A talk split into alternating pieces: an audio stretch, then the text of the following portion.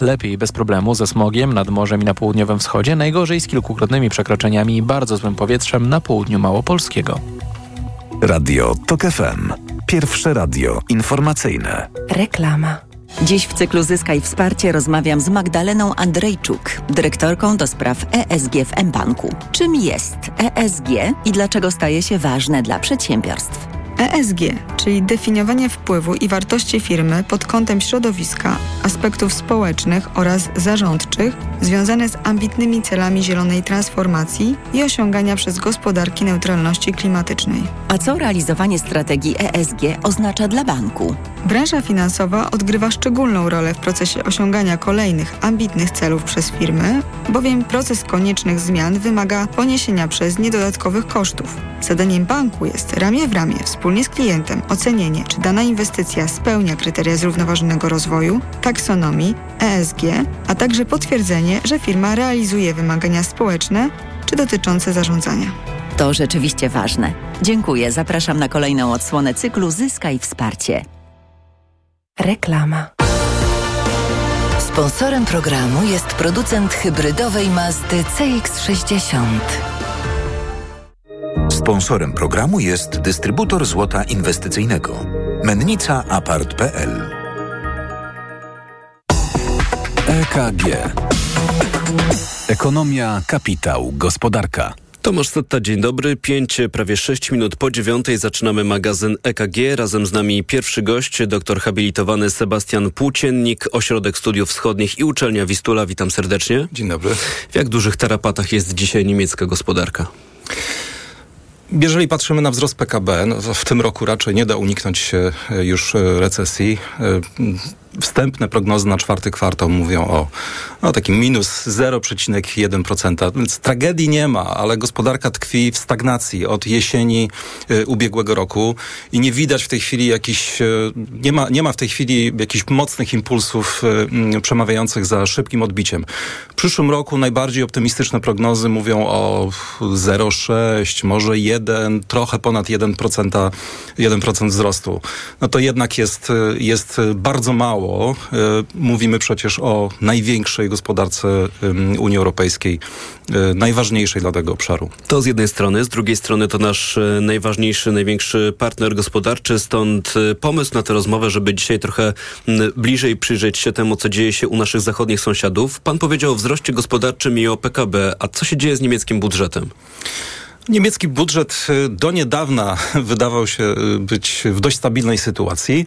Y, minister finansów Christian Lindner triumfalnie ogłosił powrót do hamulca długu zapisanego w konstytucji, czyli do sytuacji, w której w zasadzie budżet federalny nie powinien mieć większego deficytu niż, niż 0,35% PKB. Mówi pan ogłosił powrót do hamulca, czyli rozumiem powrót... przez ostatni czas tego hamulca nie było. Ten hamulec zawieszono w 2022 roku roku ze względu na kryzys y, pandemiczny. Y, później zawieszono go również ze względu na kryzys energetyczny, y, który no, wynikał z wojny w Ukrainie. No ale jednak celem liberalnego ministra finansów, który cały czas przecież odwoływał się także w kampanii wyborczej do stabilnych finansów publicznych, był powrót do tego hamulca. Problem w tym, że e, w tej skomplikowanej koalicji e, rządzącej, e, kierowanej przez Olafa Scholza, są bardzo różne interesy i bardzo różne wizje prowadzenia polityki gospodarczej. Socjaldemokraci chcą wydawać e, na cele socjalne, zieloni na transformację e, energetyczną. Z kolei Lindner jakkolwiek trzyma się e, tego hamulca długu, nie chce podwyższać podatków. I z tej całej układanki wyszło porozumienie, które, które zakładało, że owszem, wrócimy do y, hamulca długu, ale do tego czasu nabierzemy bardzo dużo nowych długów, czy też y, otworzymy linie kredytowe i przerzucimy je do pozabudżetowych funduszy specjalnych. I w tych funduszach specjalnych właściwie upakowano tyle Y, miliardów potencjalnie y, do wydania, że właściwie cały ten hamulec długu przestał y, mieć sens. I tą, tą innowacyjność rządu, właściwie inżynierię finansową należałoby powiedzieć, zakwestionował Trybunał Konstytucyjny. Powiedział, że budżet jest roczny. Jeżeli w danym roku zaciągacie, mimo zawieszenia hamulca długu, bardzo dużo, y, bardzo dużo y, nowych kredytów, to musicie te pieniądze wydać w danym roku. Nie możecie ich przenosić na całą kadencję, bo to jest niezgodne z zasadami y, finansów publicznych. Po tym wyroku rząd musi właściwie całkowicie przebudować y, swoje finanse publiczne, co oczywiście oznacza bardzo duże konflikty polityczne. To y, pójdźmy o krok y, dalej. Ten wyrok Trybunału, o którym pan powiedział, w dużym skrócie wytrącił z rąk no, bagatela 60 miliardów euro niemieckiemu rządowi. Jeśli chodzi o ten budżet przyszłoroczny, no to jest luka rzędu 24 miliardów euro, które trzeba znaleźć, no bo rozumiem, że pieniądze, które niemiecki rząd wymyślił, że będzie mógł z nich skorzystać, dzisiaj nie ma takiej prawnej możliwości. No to co dalej? Y, Ta układanka jest trochę bardziej y, skomplikowana. Te, na te przesunięcia finansowe składa się to, że ten budżet, o którym pan y, mówił, czyli transformacji energetycznej, jest rozciągnięty aż do 2028 roku, więc to nie jest 60 miliardów już teraz do, do cięcia. Ale zakwestionowane są też inne fundusze, dlatego wspomniałem o tym, że chodzi o całkowitą przebudowę właściwie systemu. No i teraz jakie reformy, jakie reformy w tej chwili leżą y, na stole? No, krótkoterminowo rząd będzie musiał chyba jednak przywrócić znowu hamulec długu i to z mocą wsteczną y, na y, 2023 rok, a o 2024 będzie oczywiście batalia. Ale dyskusja, w dyskusji też pojawiają się projekty reform hamulca długu, które mogą być bardzo interesujące także z naszego punktu widzenia. Rozważane jest na przykład wprowadzenie złotej y, reguły do konstytucji, że wydatki inwestycyjne będą wyłączone z obliczania hamulca y, długu. Czyli utworzy się na przykład jakiś fundusz y, inwestycyjny, bardzo precyzyjnie zarysowany i z tego funduszu będą wydawane środki, które nie będą wliczane do hamulca y, długu. Bo proszę mnie poprawić, w przypadku Niemiec tak jest chyba dzisiaj z funduszem na obronę, tak, tak? Czyli tak. jeśli chodzi o wydatki na obronę, na zbrojenia, on jest y, precyzyjnie wpisany do konstytucji, mm, no i nie ma nic wspólnego z tym hamulcem długu. Nie jest liczony do hamulca długu i to jest właśnie też drugie rozwiązanie. To znaczy y, już nie tylko wprowadzić taką złotą regułę do wyjątków od hamulca długów, bo tych wyjątków na razie, są na razie dwa wyjątki zapisane w Konstytucji, ale też y, utworzyć właśnie taki y, osobny fundusz inwestycyjny. Problem polega na tym, że trzeba przekonać do tego opozycję z Hadecji, bo chodzi jednak o zmianę Konstytucji. Y, Kolejna opcja, najbardziej y, chyba bolesna dla rządu, to są po prostu cięcia y, socjalne. Y, Budżet socjalny to jest y, 178 miliardów, to jest 35, nawet y, niektórzy twierdzą 40% y, budżetu y, federalnego. W ostatnich latach to się też bardzo mocno rozros rozrosło. Zaczęło się to od, od rządów y, Angeli Merkel. Poza tym jest bardzo dużo subwencji, które nie mają większego sensu, na przykład subwencje do, do, do diesli albo do dojeżdżania y, do pracy, podczas gdy można by było przekonać ludzi do y, jednak dojeżdżania komunikacją y, miejską i tak dalej, i tak dalej. Więc Niemcy generalnie czeka solidny przegląd y, państwa, finansów publicznych y, i systemu socjalnego. To dopytam jeszcze jeden element tej układanki, czyli o wydatki na przemysł, na innowacyjność, na to, jak radzić sobie z wysokimi cenami energii, na ochronę klimatu, na rozwój tych odnawialnych źródeł energii, ale też na przykład na inwestowanie w półprzewodniki, które są z punktu widzenia Niemiec kluczowe, jeśli mamy na myśli mm, silnie rozwiniętą tam branżę motoryzacyjną. I to jest e, chyba w tej chwili najbardziej kontrowersyjny temat, bo e, wyrok Trybunału Konstytucyjnego, który e, uderzył bezpośrednio w Fundusz Transformacji Energetycznej, uderzył również e, Fundusz e, Stabilizacji Gospodarczej, e, 200 miliardowy, który został utworzony w 2022 roku.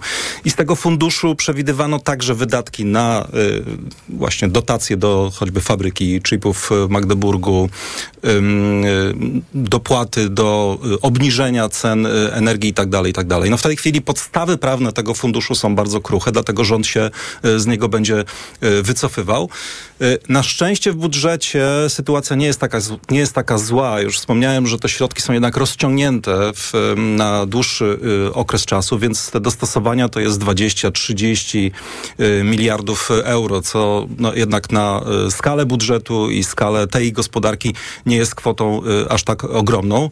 No i dodatkowo, jeżeli jeszcze dojdzie do zawieszenia mm, hamulca długu, to te środki, środki się znajdą. Także nie sądzę, żeby Niemcy mogły sobie pozwolić na to, by te wydatki wydatki e, inwestycyjne w cyfryzację i transformacje energetyczne rzeczywiście e, poważnie y, ściąć. Będą jakieś ograniczenia, ale bardziej, bardziej na, polegające na racjonalizacji. Jeżeli jeżeli mogę doszukiwać jakichś pozytywnych efektów, to cały ten kryzys może pchnąć Niemcy w kierunku no, głębszych reform gospodarczych, na przykład polityce energetycznej. Cały czas mówi się o tym, żeby lepiej um, używać, sensownie używać instrumentu um, ceny CO2, emisji CO2. E, no, mówiąc krótko, żeby agresywniej używać e, tego e, instrumentu w gospodarce, po to, żeby i gospodarstwa domowe, i przedsiębiorstwa lepiej dostosowały się do transformacji energetycznej, zamiast wszystko subwencjonować i wszystkim wyrównywać straty. No dobrze, bardzo szczegółowo sobie nakreśliliśmy obraz tej aktualnej sytuacji gospodarczej w Niemczech. Z jednej strony mówiliśmy o tym no, wzroście gospodarczym, który pozostawia wiele do życzenia, z drugiej strony o tej skomplikowanej układance i o tych wszystkich problemach, które dotyczą mm, tego finansowania z budżetu mm, federalnego. Mm, teraz y, pytanie, tak żebyśmy spojrzeli na to z trochę szerszej perspektywy. Na ile pańskim zdaniem słuszne jest takie powiedzenie, że jeśli Niemcy kichną, to przeziębiona jest cała Europa, czyli te problemy niemieckiej gospodarki, na ile mogą się przełożyć na problemy w innych krajach, na przykład w Polsce? No, to wynika choćby z rozmiaru tego, tej gospodarki. To jest 25, 20, e, powyżej nawet 25% e, PKB całej, e, całej Unii Europejskiej, więc... Tak, ale czy to wszystko, o czym powiedzieliśmy dzisiaj, powinno nas tu w Polsce martwić? Oczywiście, że powinno nas martwić, ponieważ jeżeli dojdzie na przykład do znaczących cięć E, wydatków publicznych w Niemczech, to Niemcy będą o wiele dłużej wychodzić z recesji. Wszystkie te dane, o których mówiłem na początku, choć tak bardzo skromne, przecież pół procenta PKB to nie, nie jest tak naprawdę odbicie, trzeba będzie między bajki włożyć. Tak naprawdę recesja się wydłuży, co od razu będzie oznaczało słabszy popyt na polskie towary i gorsze warunki dla rozwoju polskiego eksportu, który przecież dla naszej gospodarki jest bardzo istotny. Tak, wczytuję się w te dane, ten niemiecki konsument też taki jakiś mniej skłonny do zakupów. Konsument niemiecki przestraszył się w ostatnich latach wysokiej inflacji i też wysokich stóp procentowych, bo przecież Europejski Bank Centralny również zacieśniał politykę pieniężną. I w tej chwili mamy do czynienia z sytuacją, w której te stopy są stosunkowo wysokie, a inflacja bardzo szybko, bardzo szybko spada. Dlatego będą rosły również naciski na Europejski Bank Centralny, by jednak zaczął luzować politykę y, pieniężną, ponieważ gospodarka niemiecka jest w słabej kondycji, potrzebuje, potrzebuje tańszego kredytu. To na koniec jeszcze jedna sprawa, czy skoro ta niemiecka gospodarka, jak powiedzieliśmy, jest w słabszej kondycji i być może w jakiejś bliskiej perspektywie no, trzeba będzie szukać ciąć, y, cięć wydatków. Pan obawia się, że bezpośrednio na tym ucierpi Ukraina, której Niemcy mogą już nie być skłonne udzielać e, wsparcia finansowego czy sprzętowego? Po pierwsze, wydaje mi się, że wydatki e, na pomoc Ukrainie nie zajmują aż tak znaczącego e, miejsca w niemieckim budżecie, by rzeczywiście zdecydowano się je wyraźnie ciąć. Poza tym Niemcy jednak zbyt mocno podkreślały swoją rolę jako tego no, ważnego donora pomocy dla Ukrainy, by zaryzykować tutaj swoją pozycję polityczną, międzynarodową. E, dlatego no, oczywiście te wydatki pojawią się na liście potencjalnych do, do cięć, ale y, trudno mi sobie wyobrazić, by mm, to państwo w tej chwili zdecydowało się na, na tak drastyczny krok. O czym mówił doktor habilitowany Sebastian Płóciennik, Ośrodek Studiów Wschodnich i Uczelnia Wistula. Dziękuję bardzo dziękuję bardzo. za rozmowę. Jest 9.17 w Radiu TOK FM. Za moment informacje, po nich wracamy. EKG Ekonomia, kapitał, gospodarka. Sponsorem programu był producent hybrydowej Mazdy CX-60. Sponsorem programu był dystrybutor złota inwestycyjnego. Mennica Apart.pl Pierwsze śniadanie w toku. Od poniedziałku do piątku, od piątej. Od piątej rano.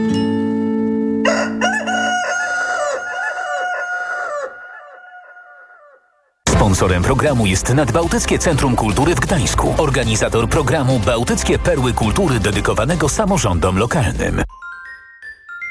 Reklama. RTV Euro AGD. Teraz w euro. Aż do 50 rat 0%. RRSO 0%. I do maja nie płacisz. Promocja na cały asortyment podlegający sprzedaży ratalnej. Do 19 grudnia. Regulamin w sklepach i na euro.com.pl Ty patrz, Barbara, jakie malutkie Mikołaje idą. Taś, taś, Marian, taś, to nie Mikołaje, tylko Mikołajki idą. To znak, że prezenty trzeba kupować. taś. Przeceny na święta w Media Expert. Smartfony, smartwatche, słuchawki, tablety, hulajnogi elektryczne i setki rewelacyjnych pomysłów na świąteczne prezenty w super niskich cenach. Media Expert. Lidl najtańszy według faktu. Spośród czterech podmiotów objętych zestawieniem, koszyk 25 podstawowych produktów jest najtańszy w Lidlu. Źródło fakt. Wydanie internetowe z 24 listopada 2023 roku. Szczegóły na www.lidl.pl. Tanie zakupy rób w Lidlu. A pamiętasz, córciu, jak Maciek w Wigilię nie spał w nocy? Chodził za mruczkiem, żeby usłyszeć, co powie? tak, tylko imię znowu przekręciłaś. Marcin, nie Maciek. Po tym covidzie zaczęło ci się mylić. Wspólne chwile z bliskimi są zbyt cenne, by je tracić. Podaruj im VitaBuer Lecitin. Jedyny na rynku lek z lecytyną i wzmocnij ich pamięć. To jest lek. Dla bezpieczeństwa stosuj go zgodnie z ulotką dołączoną do opakowania. Nie przekraczaj maksymalnej dawki leku. W przypadku wątpliwości skonsultuj się z lekarzem lub farmaceutą. VitaBuer Lecitin. Płyn doustny, produkt złożony. Wskazania. Osłabienie pamięci i koncentracji. Podmiot odpowiedzialny Orifarm Healthcare AS. Mijasz stylowego, przyciągającego spojrzenia hybrydowego suwa. To Ford Puma. Obserwujesz, jak zwinnie i dynamicznie się porusza. Wyobrażasz sobie jego przestronne wnętrze. To Ford Puma. Dowiadujesz się, jak mało pali i już wiesz, że hybrydowa Puma to SUV stworzony dla Ciebie. Teraz w znakomitej ofercie z pakietem 4 lat ochrony Ford Protect gwarancją i serwisem w cenie samochodu. Do tego korzyść finansowa nawet do 25 tysięcy złotych z ubezpieczeniem na rok. Ford Puma. Takiej oferty jeszcze nie było. Szczegóły u dealera Forda i na Ford.pl. Reklama. Radio TOK FM. Pierwsze radio informacyjne. Informacje TOK FM.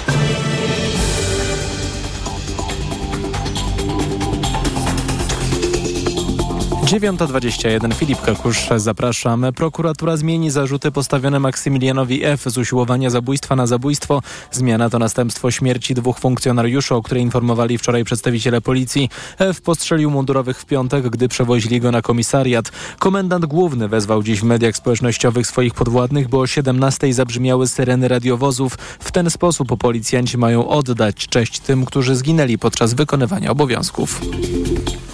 870 tirów czeka w około 10-dniowej kolejce na wyjazd z kraju przez przejście z Ukrainą w Chrebennem, podała policja. Kolejka liczy około 70 km i sięga do Chomencisk. Przejście w Chrebennem jest jednym z tych, na których trwa protest przewoźników. Podobne trwają w Dorochusku i Korczowej prawie miesiąc. Organizatorzy domagają się wprowadzenia zezwoleń komercyjnych dla firm ukraińskich na przewóz rzeczy, zawieszenia licencji dla firm, które powstały po wybuchu wojny w Ukrainie i przeprowadzania ich kontroli. Jest też postulat dotyczący likwidacji tzw. elektronicznej kolejki po stronie ukraińskiej. Słuchasz informacji TOK FM. Część zarządu Narodowego Banku Polskiego broni Adama Glapińskiego przed ewentualnym wnioskiem o Trybunał Stanu. Władze banku zapewniają, że prezes postępuje zgodnie z prawem i jest apolityczny, mówi Paweł Szałamacha. Wypowiedzi prezesa Glapińskiego korzystają z konstytucyjnych gwarancji swobody wypowiedzi dostępnej wszystkim osobom w Polsce. Część zarządu NBP twierdzi także, że obrona prezesa jest uzasadniona, mimo że na stole nie leży jeszcze żaden wniosek o Trybunał Stanu. Mowa o części zarządu, bo na spotkaniu z dziennikarzami nie pojawił się Paweł Mucha, który kilka tygodni temu wszedł w konflikt z Adamem Glapińskim. Około 20 tysięcy osób w Serbii to osoby w kryzysie bezdomności. Jedna czwarta z nich to dzieci i młodzieży poniżej 14 roku życia, podaje portal telewizji RTS. Najwięcej osób według ostatnich wyliczeń bez dachu nad głową żyje w Belgradzie. Pogoda. Za oknem zima, ale na horyzoncie widać nieznaczne ocieplenie. Od czwartku do Polski zacznie napływać cieplejsze powietrze z zachodu. Białe święta zgodnie z prognozami pozostają jednak pod dużym znakiem zapytania. Radio TOK FM. Pierwsze radio informacyjne. EKG. Ekonomia, kapitał, gospodarka. 9.23 w Radiu Tok FM zaczynamy drugą część magazynu EKG. W naszym studiu goście pani Marta Petka-Zagajewska, szefowa zespołu analiz makro w PKO Banku Polskim. Dzień dobry. Dzień dobry. Pani Agnieszka Durlik, dyrektor generalna Sądu Arbitrażowego przy Krajowej Izbie Gospodarczej. Dzień dobry. Dzień dobry. I pan Sebastian Koćwin, wiceprzewodniczący Ogólnopolskiego Porozumienia Związków Zawodowych. Również dzień dobry. Dzień dobry. Rada Polityki Pieniężnej, drodzy państwo, zbiera się dziś na dwudniowym posiedzeniu i to ostatnie takie posiedzenie No bo ostatnie w tym roku. Pani Marta Petka-Zagajewska. Będzie obniżka stóp procentowych. Decyzję poznamy jutro pod choinkę czy bez zmian? No już to, to, to, pojawiło się wielokrotnie gdzieś w przestrzeni medialnej takie podsumowanie, że najciekawszym elementem decyzji, która przed nami będzie to, o której tą decyzję jutro poznamy. I wynika to z kilku rzeczy. Po pierwsze z tego, że tradycyjnie w grudniu w ogóle rzadko się stopy zmieniały. To już jest taki też okres chyba niesprzyjający sianiu zamętu, czy um, myśli wędrują zupełnie gdzie indziej. Rozumiem, są ale, ważniejsze sprawy w grudniu. Ale, ale przede wszystkim te ostatnich um, kilkanaście dni um, przed blackoutem, czyli przed momentem, kiedy już członkowie się nie mogą wypowiadać przed posiedzeniem, przyniosło wiele komentarzy z różnych stron RPP, e, zaskakująco spójnych w przekazie, pokazujących, że co najmniej do marca czyli dużo dłużej niż tylko to posiedzenie zaczynające się dzisiaj, e, nie ma raczej przestrzeni na to, żeby w ogóle rozważać zmiany stóp e, procentowych w którąkolwiek ze stron. No i tutaj przede wszystkim to, na co też dosyć zgodnie wskazują różni członkowie Rady Polityki Pieniężnej, co prowadzi do, takiej konkluzji, to jest wciąż bardzo duża niepewność w jakim otoczeniu gospodarczym i między innymi w jakim otoczeniu polityki fiskalnej i regulacyjnej będziemy funkcjonować w 2020 2024 roku, więc wydaje mi się, że takie e, włączenie, naciśnięcie guziczka pauza jest e, bardzo racjonalnym e, podejściem, a do zastanawiania się na temat tego, jakie mamy perspektywy zmian stóp procentowych w kolejnych miesiącach, myślę, że powrócimy najwcześniej w marcu. No i jak rozumiem, ta pauza rzeczywiście też e, może potrwać e, ten marzec w tych naszych dyskusjach, bo e, mówi o tym nie tylko pani Marta Petka-Zagajewska, ale też słyszę to od innych państwa naszych gości. Rozumiem, to będzie oczekiwanie na te najnowsze prognozy, projekcji Narodowego Banku Polskiego, które wylądują też na stole e, członków Rady Polityki Pieniężnej, gdzie będzie można zobaczyć, e, co z cenami będzie się działo w kolejnych e, miesiącach i do tego czasu będzie odłożona ta ewentualna decyzja, czy stopy procentowe zmieniać, czy nie. No ale rozumiem, czekamy na to, co wydarzy się jutro z jakąś tutaj dozą prawdopodobieństwa dużą, że się nic nie, że się nic nie wydarzy, że się nic nie zmieni, że, że stopy zmieni, tak. procentowe, e, bo się coś wydarzy, no decyzja będzie e, podjęta. E, skoro jesteśmy przy temacie Narodowego Banku Polskiego, to chciałbym jeszcze w tej części programu wrócić do tego, co działo się wczoraj. Zarząd Banku Centralnego, choć niecały, to warto podkreślić, bo zabrakło w tym gronie Pawła Muchy, który jakiś czas temu wszedł w konflikt z Adamem Glapińskim. Otóż część zarządu NBP najpierw wysłała do marszałka Sejmu list otwarty, a potem spotkała się z dziennikarzami. E, tezy tego listu są następujące. Narodowy Bank Polski postępuje zgodnie z prawem i nie ma mowy o żadnym Trybunale Stanu dla Adama Glapińskiego, zwłaszcza jeśli chodzi o walkę z inflacją i skup obligacji w czasie pandemii. E, praktycznie pominięto w tym liście inny dosyć częsty zarzut o upolitycznienie NBP e, i w trakcie tego spotkania z zarządem, gdzie byli obecni dziennikarze, na ten właśnie element zwrócił uwagę znany Państwu skąd inąd Maciej Głogowski, który zacytował kilka wypowiedzi Adama Glapińskiego z ostatnich miesięcy, no takich wypowiedzi mocno politycznych. Posłuchajmy, co na to władze Banku Centralnego mówi Paweł Szałamacha, jeden z członków zarządu NBP. Wypowiedzi w e, prezesa Glapińskiego korzystają z, z konstytucyjnych e, gwarancji e, swobody wypowiedzi dostępnej wszystkim osobom w, w Polsce i Oczywiście zważywszy na, na kontekst emocjonalny, były być może pewną, pewną obroną, pewną reakcją na to, co spotykało naszą, naszą instytucję, jego osobiście przez, przez te kilkanaście miesięcy. Nie widzę tutaj jakiegoś, nazwijmy to, ekscesu czy, czy działań przekraczających yy, pewne reguły. To mówił, przypomnę, Paweł Szałamacha, jeden z członków zarządu Narodowego Banku Polskiego i mam takie wrażenie, że to jest pierwszy moment, kiedy mm, ktoś z władz Banku Centralnego w końcu odniósł się do tego zarzutu, bo przypomnę, ten zarzut o upolitycznienie jest bardzo często pomijany jest y, to skupienie się na tym, czy walka z inflacją była skuteczna, czy nie, czy na tym skupie obligacji, a o tym upolitycznieniu NBP jakoś niespecjalnie bank chciał y, mówić. Pytanie do Państwa gości w studiu, bo bardzo długo mówię, czy, czy, czy, czy, a Państwa są tutaj najważniejsi, czy, czy coś dodajemy do tego? To jest, Pani Agnieszka Durlik. To jest złożona sytuacja z mm, zakresu e, public relation, powiedziałabym e, tak. E, I mm, te komunikaty Ja myślę, że one są e, zbyt nerwowe wszystkie, włącznie z banerami e, na Narodowym Banku Polskim. Mm, Lepiej e, znacznie jest komunikować faktami, polemizować ewentualnie z tym, co, jaki skutek przynosi. Natomiast ta sytuacja związana na przykład z taką konferencją prasową członków zarządu, która zapobiega działaniu, które jeszcze właściwie nie zostało podjęte, bo nie mamy do czynienia ani z żadnym skierowaniem e, e, oskarżenia do Znaczy nie Trybunału ma na stole Stanu. czarno na białym wniosku, nie ma który dokumentów, do wymienia, których jakie są zarzuty. ewentualnie można by się było odnieść. E, I mm, oczywiście dużo e, prościej jest polemizować, e, czy dawać jakieś kontrargumenty dotyczące na przykład e, kwestii tego, czy jak skuteczna była polityka prowadzona, czy też ona powiedzmy była zgodna z przepisami, czy opierała się o analizy co do podniesienia e, stóp e, procentowych w momencie, kiedy została ta decyzja podjęta, mm, czy też tego, czy, czy skup obligacji był dobry, czy zły, bo to są takie czynności e, faktyczne, mm, powiedzmy w jakimś stopniu tam mierzalne.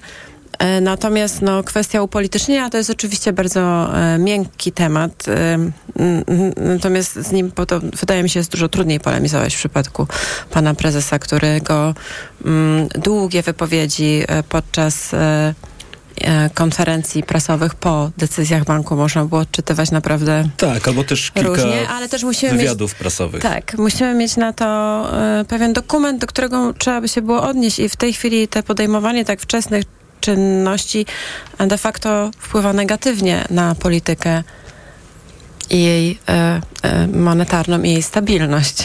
To mówiła pani Agnieszka Durlik, pan Sebastian Koćwin, coś... Wprawdzie to nie jest temat związkowy, ale przesłuchałem e, tą konferencję e, prasową i temat związków zawodowych, co ciekawe, też się pojawił, bo prezes Narodowego Banku Polskiego nie może być członkiem związków zawodowych, między innymi tam był taki wątek, ale tak e, przechodząc do sedna, w, e, wprawdzie nie chcę się e, wikłać akurat w tą dyskusję, bo jest dla mnie e, rzeczywiście mm, dosyć upolityczniona, ale prawda jest taka, że prezes e, Narodowego Banku Polskiego faktycznie no, dużo miał takich wypowiedzi, które mm, no, prawdopodobnie no, nie, nie, nie, nie powinien w ten sposób się e,